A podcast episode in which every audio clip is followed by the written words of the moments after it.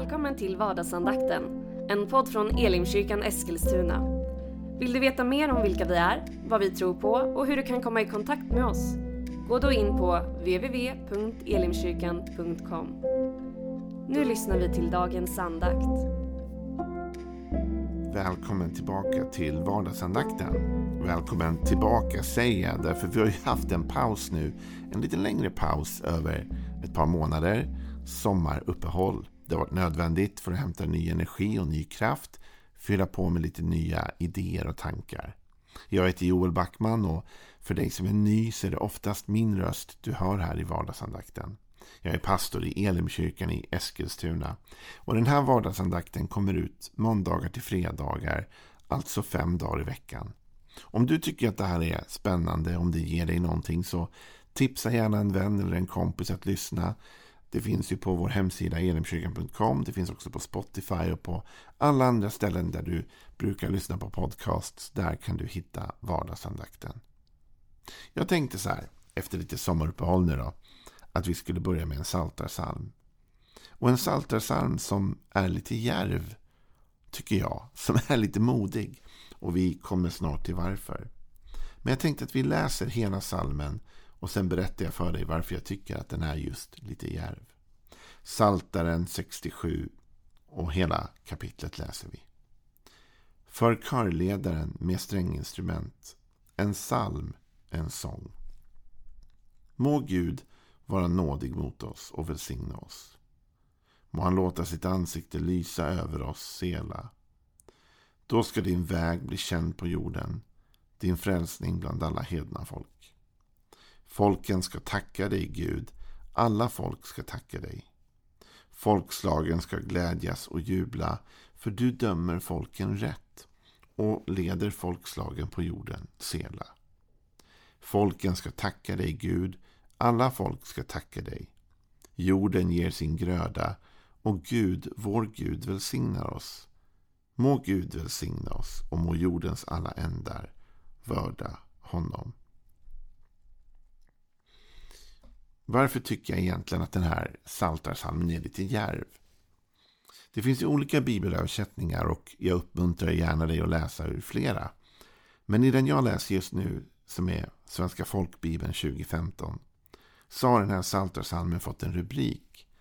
Önskan om Guds välsignelse. Och det är ju en bön om det.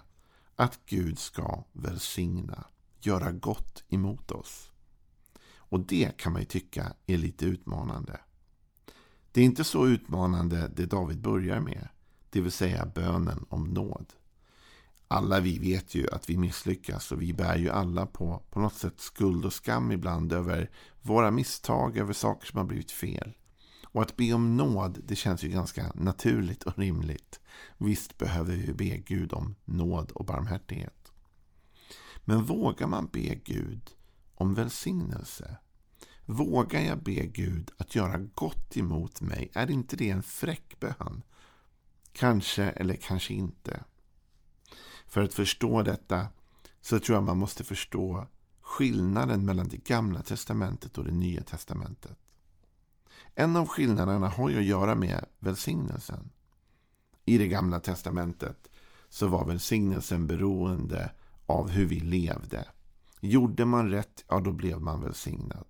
Lyssnade man på vad Gud sa och agerade efter det, då kunde man förvänta sig Guds goda agerande. Men på samma sätt om man inte lyssnade och inte gjorde så kunde man också förvänta sig den negativa förbannelsen. Det här står ganska väl utskrivet i femte Mosebok 28. Men i det nya testamentet, när Jesus kom och dog för oss, så förändrades spelreglerna och spelplanen väldigt mycket. Vi är inte längre välsignade beroende på vad vi gör. Även om man kanske måste säga att det är klart att när vi följer Guds regler och bud och tankar så leder det alltid till välsignelse. För Gud har ju bara gett oss goda uppmaningar. Sånt som främjar vårt liv och vår värld. Ändå är det inte nu främst vad du och jag gör eller inte gör som påverkar vårt öde så att säga. Utan nu har det med Jesus att göra. Paulus han sammanfattar det här väldigt bra i Fesebrevet. Där han skriver så här i det första kapitlet och den tredje versen. Välsignad är vår Herre Jesu Kristi Gud och Far som i Kristus har välsignat oss med all andlig välsignelse i himmelen. Här kommer en liten skillnad ifrån Davids psalm och det Paulus skriver. I Psaltarpsalmen stod det att må Gud välsigna oss, eller ja, och det fanns en må Gud vara nådig mot oss, står det. Och det finns en längtan, en önskan, en dröm om att Gud skulle vara barmhärtig. Här kommer vi från ett annat perspektiv. Här tackar Paulus för att Gud redan har varit nådefull i och med att Jesus kom. Välsignad är vår Herre Jesu Kristi Gud och Far som i Kristus har välsignat oss med all andlig välsignelse i himmelen. I det nya testamentet, det nya förbundet som du och jag lever i, så är vi välsignade inte på grund av vad vi gör, utan vi är välsignade i Kristus.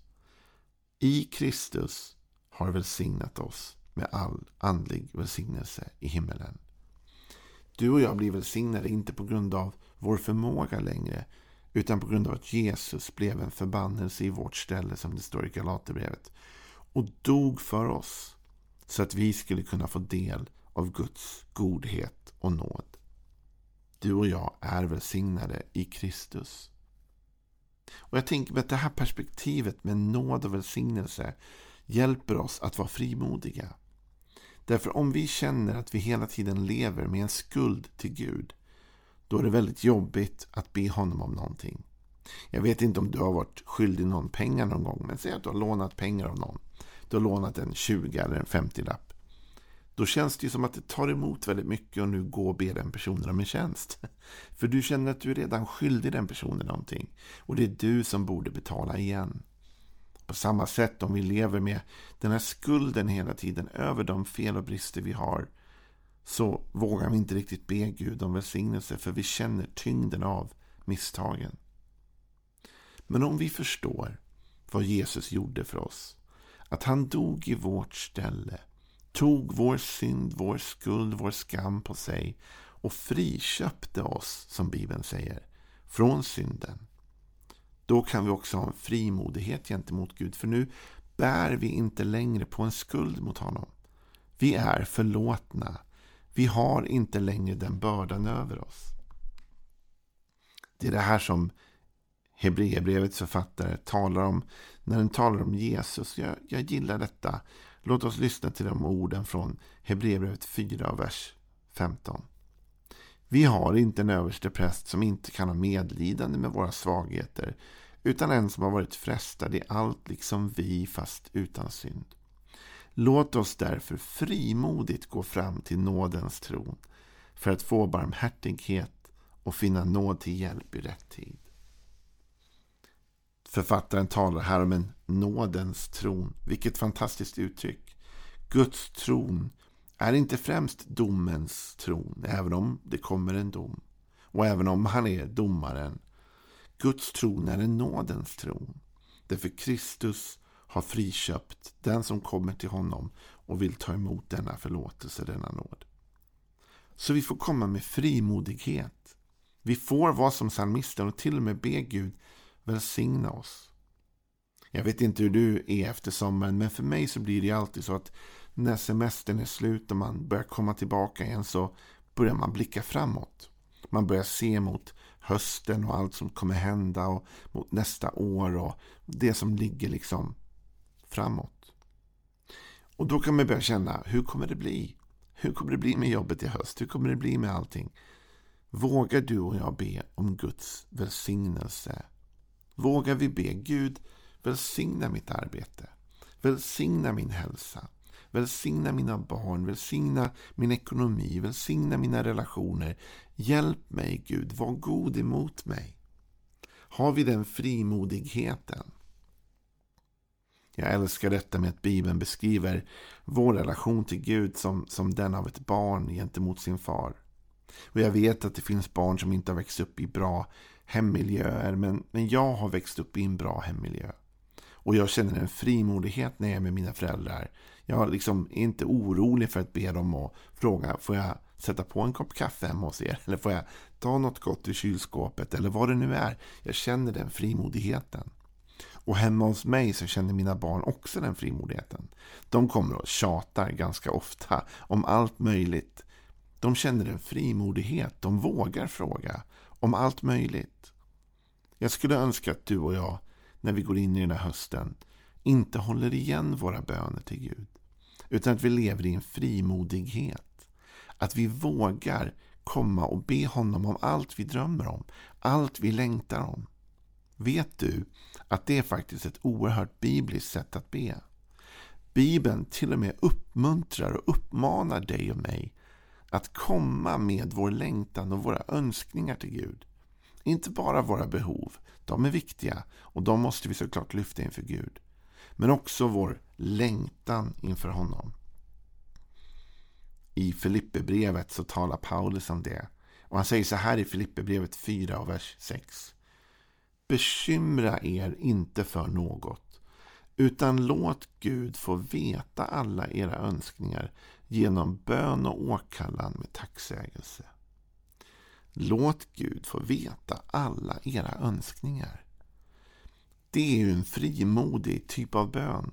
Där man berättar för Gud vad man längtar efter. Vad man drömmer om. Tillbaka till detta med vår relation till Gud. Det stod ju så här i Psaltaren 67. Må Gud vara nådig mot oss och välsigna oss. Må han låta sitt ansikte lysa över oss. Så där ber vi ofta i vår kyrka, i Elimkyrkan Eskilstuna. För vi avslutar alla våra gudstjänster med den så kallade aronitiska välsignelsen. Den som Aron skulle be över Israels folk. Och i den så avslutar man ju med detta. Att Herren välsignar dig och bevarar dig. Herren låter sitt ansikte lysa över dig och vare dig nådig. Att möta någons ansikte. Återigen tillbaks till detta med skulden. Att möta blicken hos någon som man känner skuld emot eller skam inför, det är väldigt jobbigt. Det kan ju till och med vara så att om man är skyldig någon något eller känner en skuld inför någon så undviker man den personen. Om du är skyldig någon en massa pengar och så ser du dem på ICA så kanske du tar en annan väg.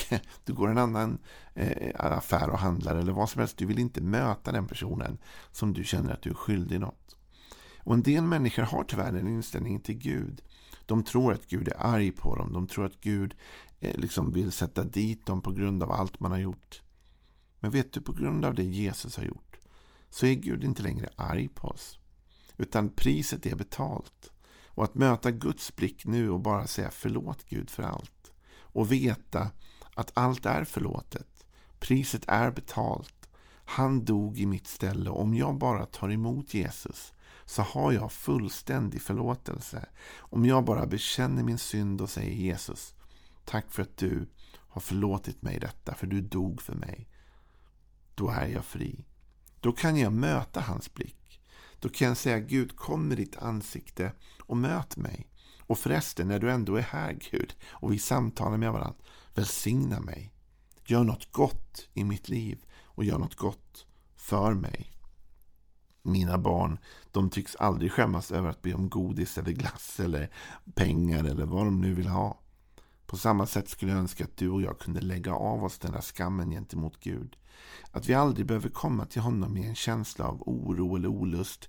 En känsla av att vi inte räcker till eller duger. En känsla av att oj, vi kan inte be Gud om detta. Jo, vi kan det och vi ska det. Bibeln säger att vi ska göra alla våra önskningar kända inför honom. Den säger att vi ska våga be om hans välsignelse över vårt liv. Det här var det jag ville börja med den här veckan. Och vi kommer fortsätta. Imorgon ska vi se varför det också är så viktigt att våga låta Gud vara god mot en. Och varför det är så viktigt att hans välsignelse får vila över våra liv. Och att det till och med är ett vittnesbörd för hela världen. Men idag vill jag bara säga detta. Var inte orolig för att möta Guds blick. Gud har förlåtit dig. Han har betalt priset för din synd och nu vill han möta dig. Och när vi kommer till honom så kommer vi med frimodighet till nådens tron där vi får be om allt. Ja, vi får till och med be om att bli välsignade. Vi får till och med be att Gud ska vara god mot oss och låta sin godhet lysa över oss och verka i vårt liv. Ha en välsignad dag. Imorgon är vi tillbaka med vardagsandakten igen. Missa inte det. Tipsa en kompis, se till att ordet sprids. Vardagsandakten är back. Vi är tillbaka. Ha det gott, hörs vi imorgon. Hej då.